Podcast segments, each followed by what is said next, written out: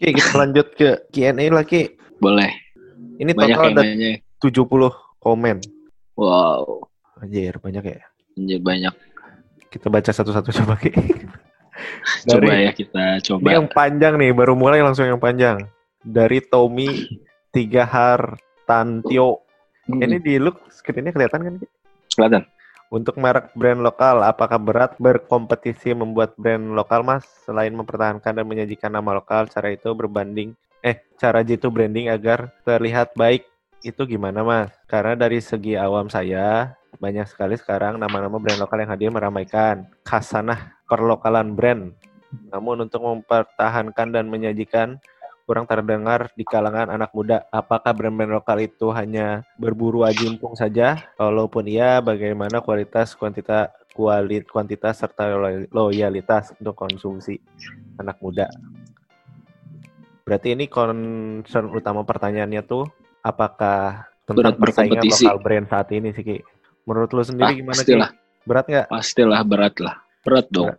Kenapa tuh? Pasti. Maksudnya di semua industri sih nggak harus clothing gitu ya. Maksudnya mau bisnis makanan, minuman, dan yang lain-lain pastilah kompetisi. Lawannya kan juga emang banyak banget gitu. Jadi emang kalau pertanyaannya berat atau enggak, pasti berat. Terus apa? Gimana mempertahankan? Mm-mm.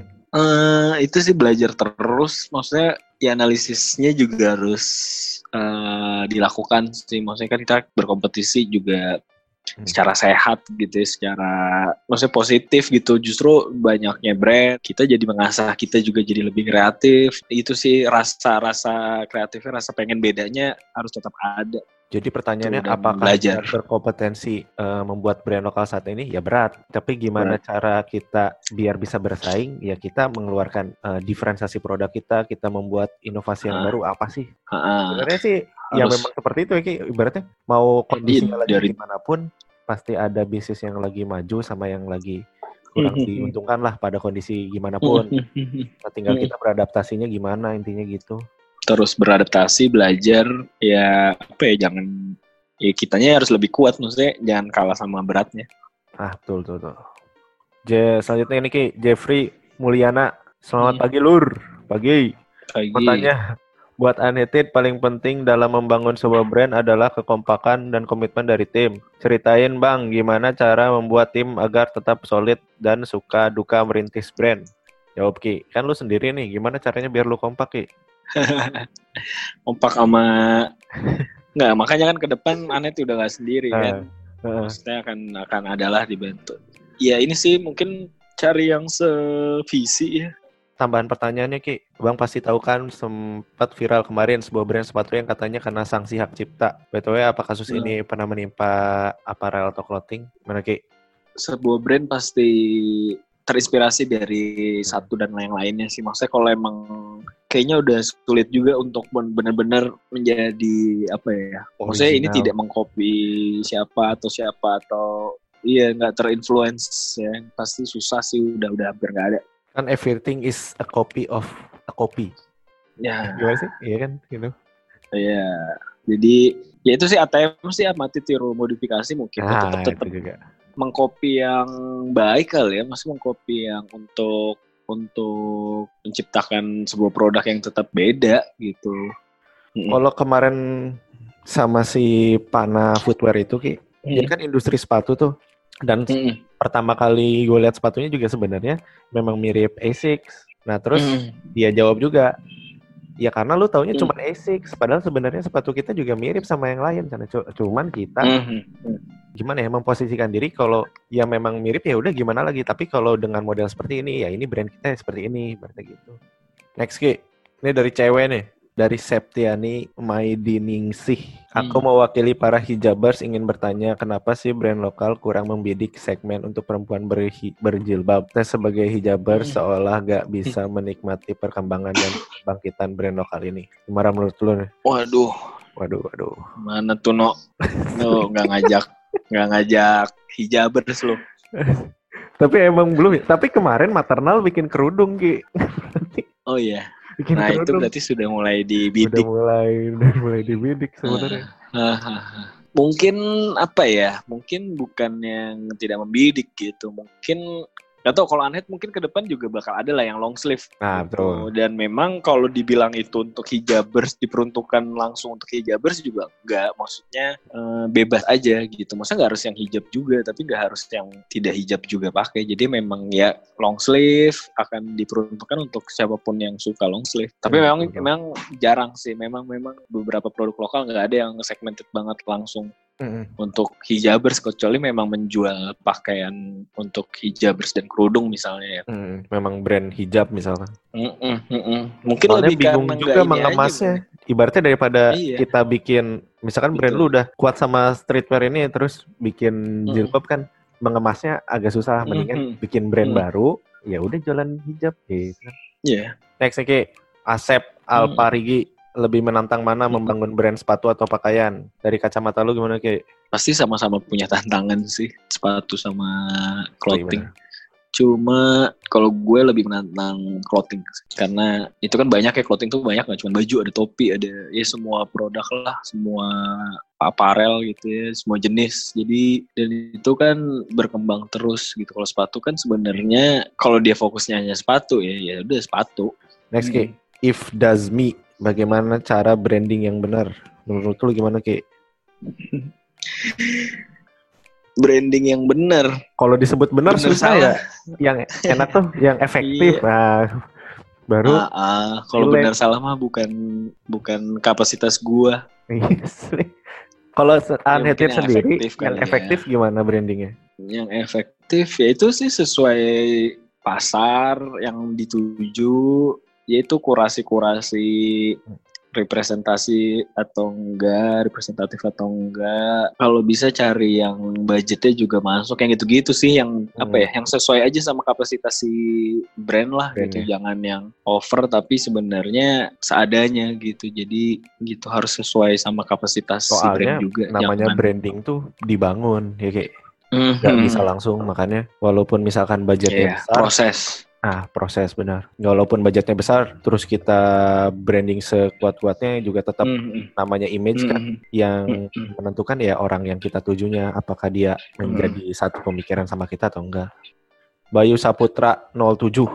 Wah, ini pertanyaan Mhm. tangan kanan apa yang dipikirkan ta- tangan kanan perta- saat pertama kali membuat bisnis apa saja yang dipersiapkan pertama kali ya.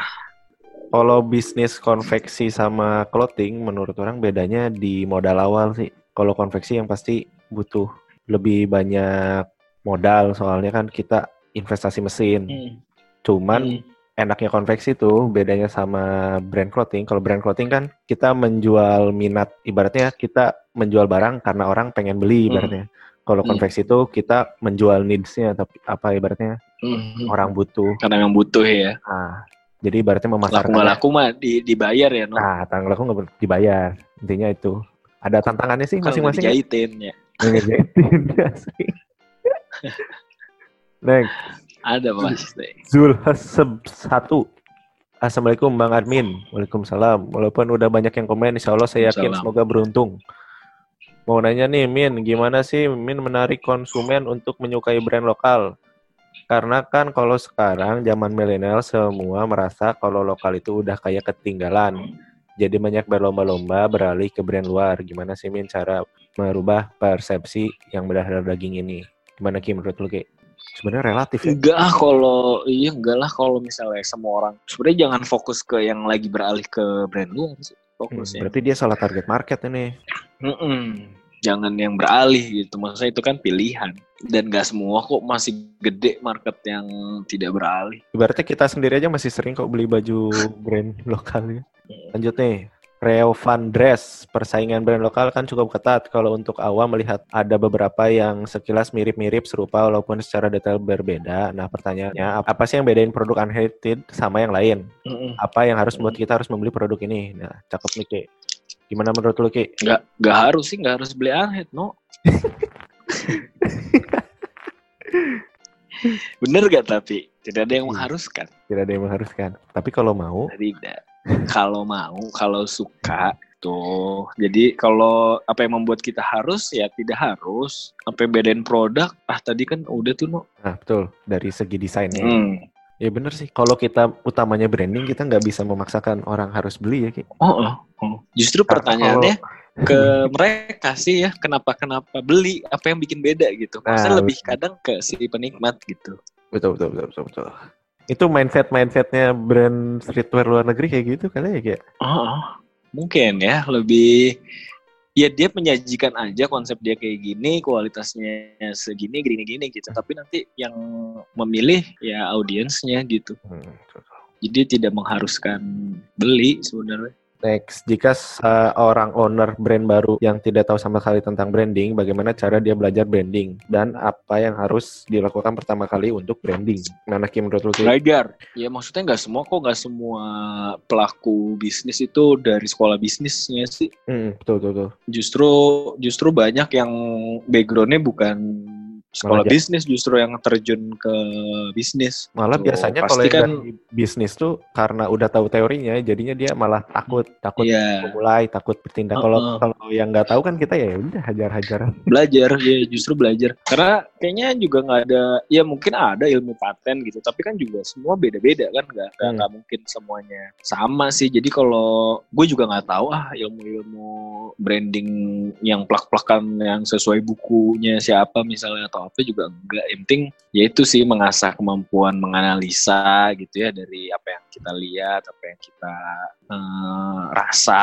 misalnya kayak gitu-gitu sih lebih lebih insting kali ya lebih lebih Nah, betul. menggunakan insting dan belajar tapi di dipakai juga tetap sambil belajar lah Sebenarnya kalau simpelnya nih buat yang pertanyaan si apa Mas Ahmad Hardeka ini tuh gimana cara kita belajar brandingnya? Sebenarnya gampang. Misalkan kita udah tahu nih target market kita tuh eh, market Hmm. segmen A ini dan kita punya target Hmm. kompetitor kita misalkan misalkan target kompetitor kita kompetitor kita tuh unhated lah. Ya udah Hmm. kita tinggal lihat aja unhated tuh gimana dia melakukan brandingnya selama ini.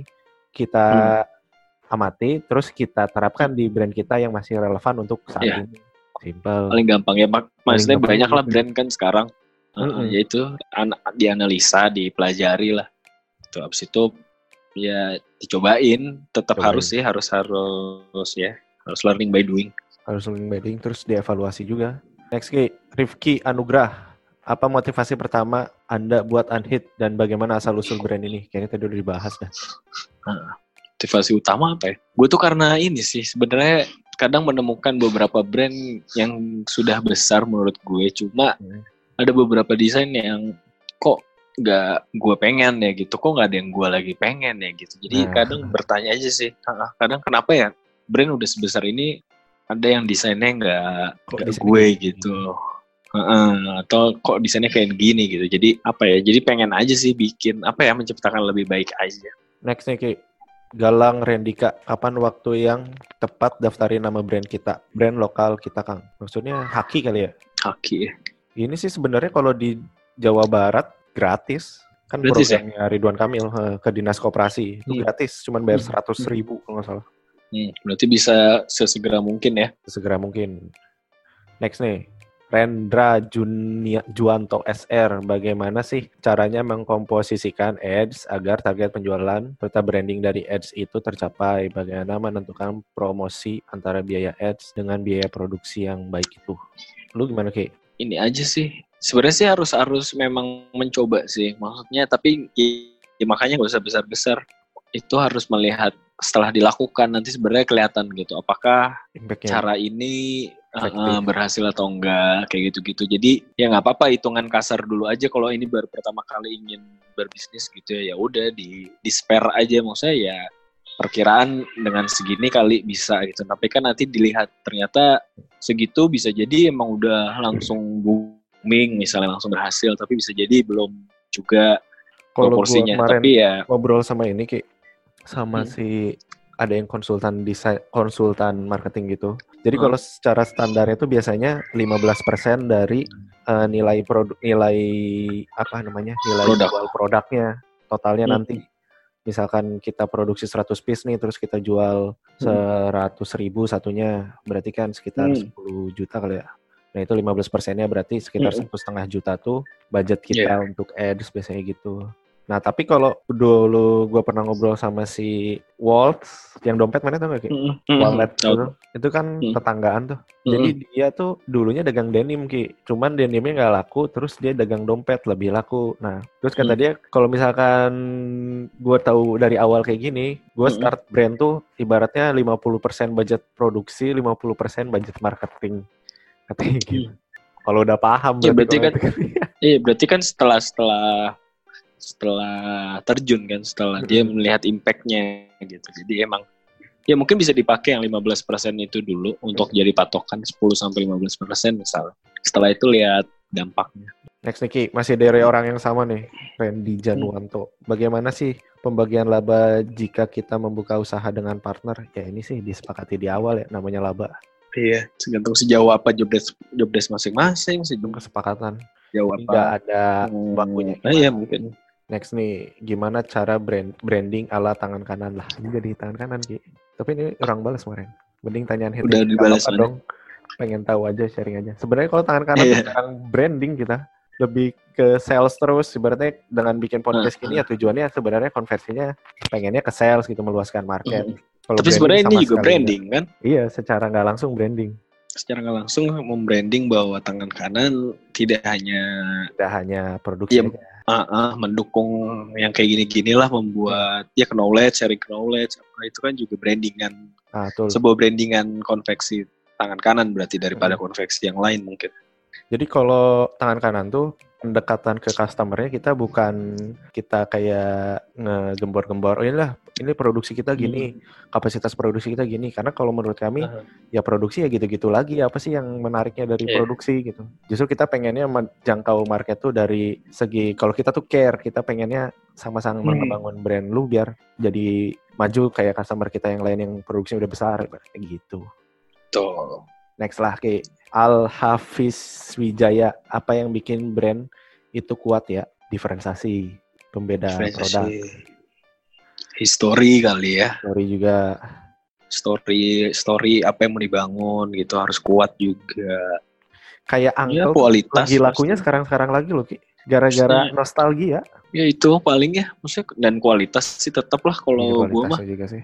Heeh, harus selalu harus selalu marketingnya. selaras ya. Nah, betul betul betul. kadang kurang aja gitu kalau brandingnya bagus, storynya bagus, tapi ternyata kualitasnya tidak Iya mau ngapain lagi nggak terlalu dipakainya. gitu. Heeh, heeh. Mendingan biar sekalian semuanya. Next nih Ki, Aris Hmm. NRWBW. Ini menarik nih Ki.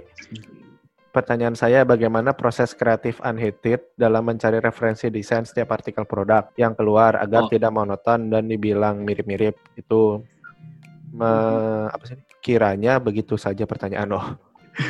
gimana cara lu cari referensi desain setiap artikel? Prosesnya gimana sih Ki? Dari sebuah ide menjadi sebuah konsep Eh, atau konsep dulu jadi ide?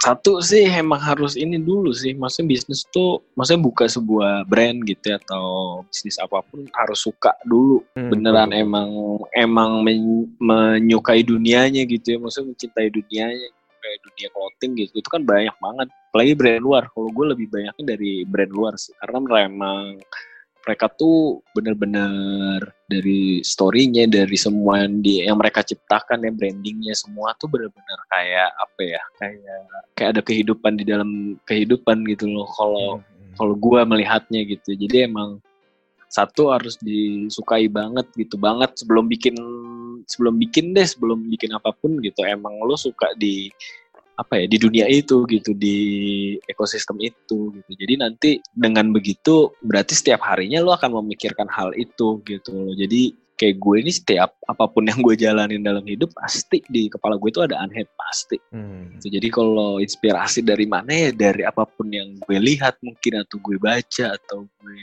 rasakan itu tuh pasti jadi sebuah eh, inspirasi gitu. Jadi emang emang apa ya kayak udah terbentuk cara mikirnya tuh ke sana gitu loh. Cara jalan pikiran lo tuh emang mikirin si brand lo gitu. Jadi apa pun ngelihat apa dikit ih bagus nih kalau misalnya dijadiin gitu. Jadi itu sih inspirasi dari mana-mana sih. Habis itu baru lo catat, lo kembangin gitu. Misalnya, eh bagus nih kata-kata ini gitu. Bagusnya pakai gambar apa yang kayak gitu-gitu sih. Berarti kalau kayak gini tuh sebenarnya uh, lu tuh bikin se sebuah desain yang lu sendiri suka ya Ki. Jadi orang-orang Iya.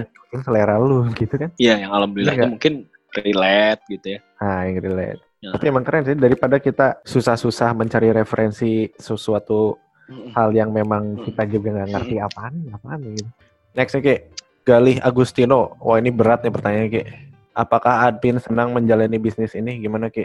Gampang Antun nih senang dong. Masa ada yang nggak senang menjalani Ya itu kan makanya di awal udah eh, apa tadi sebelumnya udah kejawab tuh harus senang dulu. Ya, seneng dulu. Next Ki, Fahrul Diansyah. Bagaimana tanggapan tentang limited edition yang harga resellnya bisa tiga kali lipat? Eh, tanggapan gitu ya tentang limited. Ya karena limited sih. That's why Hmm, dia iya, harganya iya. jadi kalau produknya banyak berarti gampang dong. Nah, Ketika ada orang yang jual tiga kali lipat ya lu beli yang satu kali lipat aja atau yang normal karena banyak berarti. Karena ini limited pasti itu ada ada nilai yang bertambah gitu ya. Kayak ya pastilah namanya limited berarti cuma ada 10 misalnya di Indonesia. Masa harganya nggak naik sih orang yang punya? Ya, kalau lu mau jadi orang yang ke 10 yang punya kan harus bayar lebih. Eaux KHTY, gimana cara mempertahankan bisnis lokal brand di saat pandemi seperti ini? Gimana Ki? Yang pasti adaptasi sih ya Ki. adaptasi terus ya eh, itu mungkin lebih lebih ini aja sih lebih mengatur cash flow-nya berarti seperti apa yang biasanya mungkin produksinya sekian Hmm. tapi karena mungkin lagi kayak gini daripada ya itu sih lebih Soalnya yang bisa dipangkas di lagi pandemi ini tuh biasanya biaya umum sama yang sewa-sewa tuh misalkan kita sewa kantor apa mending udah di Hmm, hmm, hmm. cut dulu aja. Semua dialihin di work from home, gudangnya alihin atau gimana. Nih, next Ki, dari Eka Chasing. Bagaimana sih giat-giat dalam promosi suatu produk clothing tanpa harus mengeluarkan budget yang besar untuk beriklan Hmm. tapi produk itu bisa dilihat banyak orang sampai ke daerah-daerah. Berarti sebenarnya Berarti- harusnya produknya yang dibutuhkan. iya produknya Sama mungkin emang sangat kuat. berbeda Ini gue pernah baca produknya yang berarti. si, lu tau Elon Musk nggak? Yang si apa Tesla? Tesla Itu si Cybertruck-nya tuh nggak ada biaya marketingnya. Hmm. Jadi dia ibaratnya Hmm, cuman dari Instagram eh dari Twitter ya si Elon Musk di tapi post. kan memang beda banget kan memang Nah itu memang beda banget. Mm, Kayak Jadi gitu. emang si produknya itu sendirilah yang bernilai sangat tinggi. Sebenarnya tergantung dari marketing strateginya gimana. Kalau misalkan memang nggak mau ngeluarin budget tinggi di ads, di iklan, ya berarti kan ada budget lebih yang harus dikeluarkan dari segi desain produknya Produk. atau apanya. Hmm. Sebenarnya sih biayanya bakal segitu-segitu lagi setelah dikonversi. Sama aja ya. Nggak aja. Mau nanya dong. Nggak bisa produk biasa jadi ini ya. Nah nggak bisa kalau kayak gitu. Berat banget. Nggak bisa bro, yang biasa-biasa aja tuh nggak bisa bro. Nggak bisa bro. Apalagi sistem pre-order udah. Next Ki, dari Hafiz Muhammad. Satu, Hmm. apakah artikel menggunakan model bule meningkatkan value dari brand sendiri? Itu satu. Yang kedua, apa sih yang harus dijaga dalam setiap brand itu sendiri dalam hal konsistensi? Terus yang ketiga, apa tujuan ke depan Unhated dalam clothing brand dengan banyaknya kompetitor di Indonesia, terutama, terutama lokal brand ya? Yang satu dulu kali Ki, foto bule menurut lu gimana Ki? Ah, menambah Menambah sih secara nggak langsung. pasti. Ha, Tapi Walaupun outfitnya itu loh, tidak itu Ki, doang ya. biasanya yang bule itu pakai studio foto yang nyediain bule juga tahu nggak sih nah Hmm, Iya ada iya. iya. temen gue nih brandnya band kaos sablon gitu lah ibaratnya kayak ada streetwear nah terus Hmm. pakai jasa fotonya tuh di foto yang kas foto hijab jadi mukanya Iya. banget anjir apa pakai eyeshadownya wah kayak mau kayak bekas pakai hijab aja Ya itu berarti sebenarnya sih lokal atau bule, ya itu yang penting harus representatif tadi, makanya betul. harus outfitnya harus harus tetap diatur lah kayak gitu nggak semata-mata bule Bule. doang terus langsung naik gitu. Kalau 2013 masih relate kayaknya kayak gitu-gitu tapi kalau sekarang customer lebih jeli juga Mhm. Terus yang kedua, apa sih yang harus dijaga dalam setiap brand itu sendiri dalam hal konsistensi? Nah, konsistensi dari segi unhated, apa yang konsisten dari dulu sampai sekarang, Ki? Konsisten dalam ya itu dalam eh, konsep, dalam mengeluarkan produk itu sih. Kalau dari si unhated kan desain, dari segi desain Hmm. sama produknya, kawas sablon tuh ada terus Mhm. Dengan Betul. tema yang apa? Terus beradaptasi lah, Ki. Terus beradaptasi. Terus si Maulana, apa yang perlu Anda lakukan agar bisnis Anda berjalan lancar dan tidak kalah saingan dengan brand lain? Apa saja resiko yang yang akan Anda hadapi ketika memulai bisnis clothing? Apa ya? Yaitu different Diferensiasi. diferensiasi produk, terus kualitas yang harus dijaga. Kalau menurut gua biasanya gini Ki, si D kita tuh bakal jadi diferensiasi. Diferensiasi itu yang Hmm. bikin orang bakal beli produk kita. Tapi Hmm. kalau yang membuat bisnis kita dapat berjalan eh, secara panjang itu tuh cash flow. Hmm. Jadi ada dua hal yang jaga sih, Ya, investasi sama cash flow. Karena sus- yang susah Harus tuh sebenarnya di- cash flow Ki. cash flow betul. Karena memang ya harus ada orang yang memang di bidang itu juga sih yang mengurus. Hmm, apa risiko yang an- akan dihadapi ketika memulai bisnis clothing? Apa Ki menurut lu Ki? Hmm, resiko yang ya pasti eh, Waktu. modal, Waktu, modal. waktu, Heeh, waktu modal itu paling tinggi sih. Kalau menurut gua kan ada dua hal tuh Ki kalau mau mulai bisnis. Satu idenya, satu lagi duitnya. Ibaratnya kalau Hmm. kita nggak punya duit tapi kita punya ide ya kita cari orang yang punya duit gitu kan. Tapi kalau kita Ah. punya ide nggak punya duit ya sebaliknya. Ini kadang ada yang Iya. idenya nggak punya, modalnya juga nggak ada ya. Mending dipikirin lagi gitu kan. Ya udah nggak ada ide, nggak ada uang Nggak ada gimana? ide, apalagi yang mau di, apalagi yang mau dijual. Iya. iya, jangan kan bikin bisnis kan ini mau hidup nggak mau lanjut nggak hidupnya? Oke, winner perdana 354. Menurut Abang gimana sih caranya kita naikin martabat brand lokal kita agar bisa ngalahin brand luar dan dikenal luas? Menurut lu gimana Ki? Martabat manusia, Pasti berat banget ya martabat. Heeh, martabat brand lokal biar mengalahkan brand luar. Ini semenjak 2012, eh 2011, pokoknya zaman-zaman awal PSD lah, itu Nah. kan mulai kebangkitannya. Brand lokal kan di situ ya, mulai orang apa, seneng dan nyari-nyari. Dari semenjak itu sebenarnya sih kalau ditanya apa martabatnya, emang sekarang nggak punya martabat. apa ya bukan mengalahkan brand luar ya maksudnya nggak usah nggak usah ngalahin atau tidak mengalahkan sih ya berjalan aja maksudnya mungkin beriringan aja kali ya maksudnya sekelas yang sama kali ya antara lokal Hmm. sama luar gitu gimana caranya ya Dari kualitasnya dulu, Ya, berarti, apa yang ditonjolin ah, gitu. brand lokalnya dulu sih ah, brand para pelakunya dulu sih apakah dan kadang pelakunya udah cuman konsumennya sih Nah, betul. yang yang aduh ini gini gini gini atau kayak gitu-gitu sih Jadi bukan hanya kita yang selaku apa ibaratnya Mm-mm. eh, produsen brand lokalnya aja yang Hmm. menciptakan Hmm. sesuatu yang berkualitas agar Hmm. bersaing Hmm. dengan brand luar, tapi mindset dari Hmm. si customernya juga harus Iya, jangan dikit apa nih mahal banget 250 ribu Oh, kaos. tuh. Padahal nggak tahu Apa historinya. nih nggak diskon-diskon nih? Yang diskonnya yang 90% dong kalau Giliran udah di diskon sama aja nggak beli itu cuman manas-manasin. Ah, betul. Next nih Ki, Gunggu Nawan. Hmm. Apa sih yang membuat orang gengsi memakai brand lokal dan cenderung malah brand luar dengan bangga memakai? Dan wal- kalaupun memakai brand luar yang KW, mereka cenderung dengan bangga memakainya. Lalu apa tanggapan para pemilik brand lokal? Brand lokal yang mana dulu nih? Kalau ini sih lebih ke ini ya kayaknya target marketnya. Kalau misalkan dibandingin antara Mm-mm, brand lokal makanya. terus sama brand luar yang KW, ya memang beda ibaratnya. Kenapa dia nggak mau brand lokal? Karena dia senengnya brand luar, tapi dia sukanya yang harganya murah, jadi belinya yang KW. Hmm. Makanya kita jangan cari market yang gini karena mau mau kita tawarin gimana pun dia senengnya pakai Supreme pasti.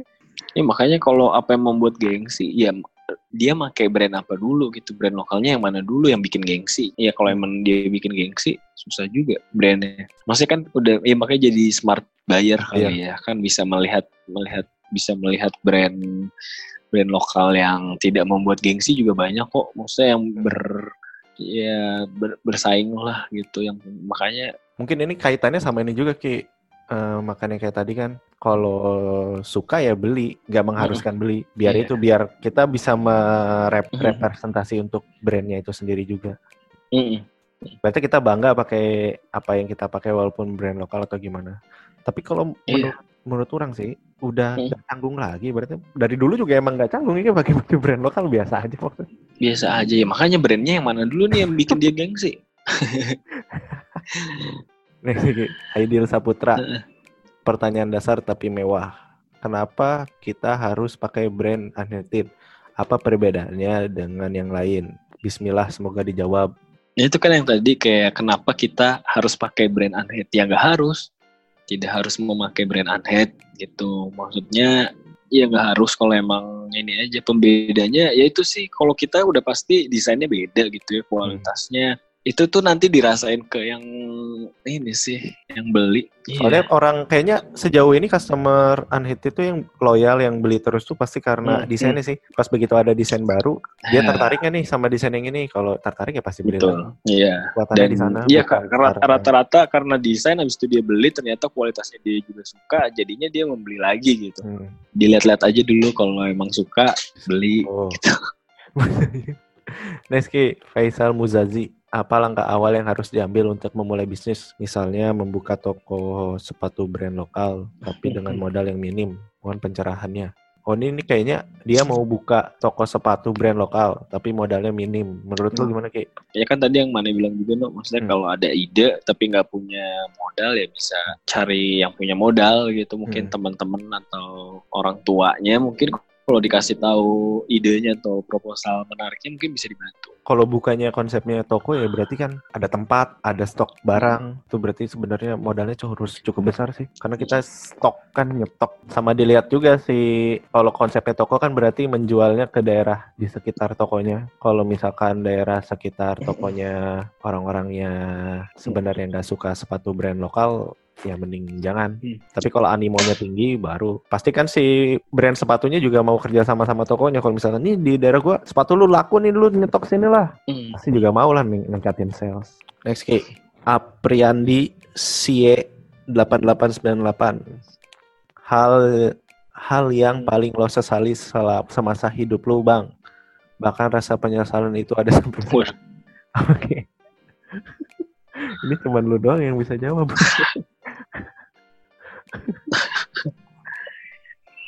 tentang hidup tiba-tiba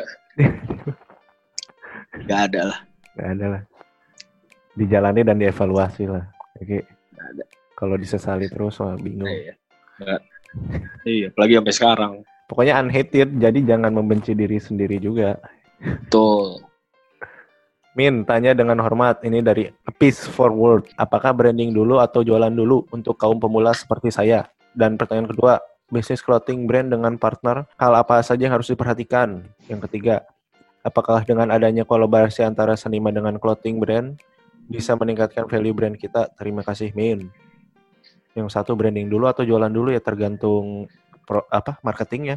Soalnya kan branding sama selling selling tuh eh, bagian dari marketing eh, yang jadikan prioritas brandingnya dulu atau sellingnya dulu ya tergantung produknya kamu. Kalau produknya kaos polos, ya ngapain di branding? Mending dijual dijual kuantitas aja gitu kan. maksudnya kan branding itu kan nggak harus yang maksudnya dari harus gaya yang- foto produk aja Ah itu Ya, gitu. ada persentase prioritasnya. Kalau misalkan kayak lu kan prioritasnya di branding. Sementara sellingnya, lu nggak terlalu selling nih. Ibaratnya kayak tadi Hmm. Instagram Ads saja nggak ditentuin eh, budgetnya nggak di Hmm. ke Instagram Ads ini ibaratnya lu masukin ke eh, development produk misal dari segi desain atau apa. Tapi ada juga brand yang misalkan kayak ini teman gue nih jualan kaos polos. Dia branding ada branding kayak cuman masang label woven. Kamu kayak minim lah. Dia lebih nguatinnya di kuantitas bener-bener kayak yang penting barang bisa keluar banyak aja. tapi kan itu juga dengan foto yang baik kan Dengan foto yang baik. So, foto juga ada standarnya. adalah branding Jadi tergantung persentase prioritasnya lah. Itu kali kayak dari 100% nih mau brandingnya 20%, at- marketingnya eh sellingnya 80% atau sebaliknya atau gimana? Yang kedua nih Ki, bisnis clothing brand dengan partner Hmm. hal apa saja yang harus diperhatikan? Hmm. Kalau sepengalaman gua nih Ki, kan dulu brand gua bubar nih yang pertama. Hmm. Eh bukan bubar sih, guanya yang Hmm. resign. Jadi yang pertama tuh yang harus Mm-mm. selalu kita perhatiin tuh dari segi job desk. Pembagian eh, apa? Mm-mm. Jadi kita saling percaya sama partner kita. Oh ini kan bagian lu, ini Hmm. bagian gua. Jadi kita saling Mm-mm. jadi kita berinovasi pada porsinya masing-masing. Terus yang kedua tuh masalah duit. Bisnisnya kita ada partner, jangan pakai rekening pribadi buat rekening bisnisnya. Harus ada rekening khusus satu yang sama-sama mengetahui. Terus Hmm. perihal modal yang udah kita keluarin tuh berapa dan rencana dikembaliinnya Hmm. kapan. Sebenarnya kan nggak nggak usah harus ibaratkan, oh iya modal kita harus balikin setelah satu tahun. Ya nggak usah, ibaratnya kita saling sepakat aja Mm-mm. dalam satu bulan kita pengembaliannya Iya. gitu aja. Yang ketiga nih Ki, apakah dengan adanya kolaborasi antara seniman dengan clothing brand bisa meningkatkan value brand kita sendiri? Menurut lu gimana Ki? Pasti dong, pasti. Nah itu yang pas kemarin kan lu kerja sama sama ini juga kan Ki? Apa? Desainer kan itu? Itu jatuhnya apa sih? Kreatif team atau apa sih? Hmm. Nah itu kan mereka juga sebenarnya jatuhnya seniman kan ya? Mereka ada Seniman. ciri khas apa? Ciri khas desainnya sendiri. Impactnya gimana? Bagus Ki? Bagus, sangat bagus. Ya itu makanya kan carinya senimannya juga yang memang relate, yang memang Hmm, satu visi, yang kayak gitu-gitu gitu. Jadi pasti meningkatkan value. Tinggal kamu nyarinya gimana gitu. Sesuai enggak? Next nih Ki, ini yang terakhir nih kayaknya. Hmm, hmm, hmm. Apa suka dukanya punya brand sendiri? Wah pas nih nanya Ki. Gila terakhir deh, suka Terakhir, dukanya. terakhir. Dukanya mungkin karena sendiri jadi nggak ada Hmm. yang Gak ada teman diskusi. Iya, teman Iya. diskusi sebenarnya bisa aja sama siapa pun berdiskusi. Cuman kan udah habis itu gitu. Tidak ada yang apa sih ya kasarnya itu hanya jadi curhat aja kan, hanya sih, jadi diskusi aja. Tapi tidak tidak karena bukan tanggung jawab dia juga untuk eh, involve lebih atau Hmm. ngapain lagi gitu. Jadi Karena ya itu porsinya hanya mendengar aja udah. Iya, hanya menjadi rekan diskusi. Jadi ya mungkin dukanya di situ setelah berdiskusi tidak dibantu lagi dengan eh, yang lain-lainnya harus sendiri lagi gitu. Kurang lebih udah sih Ki itu Ki. Oke, siap. Thank you ya Ki. Siap, no no, yuk, thank you. Dah.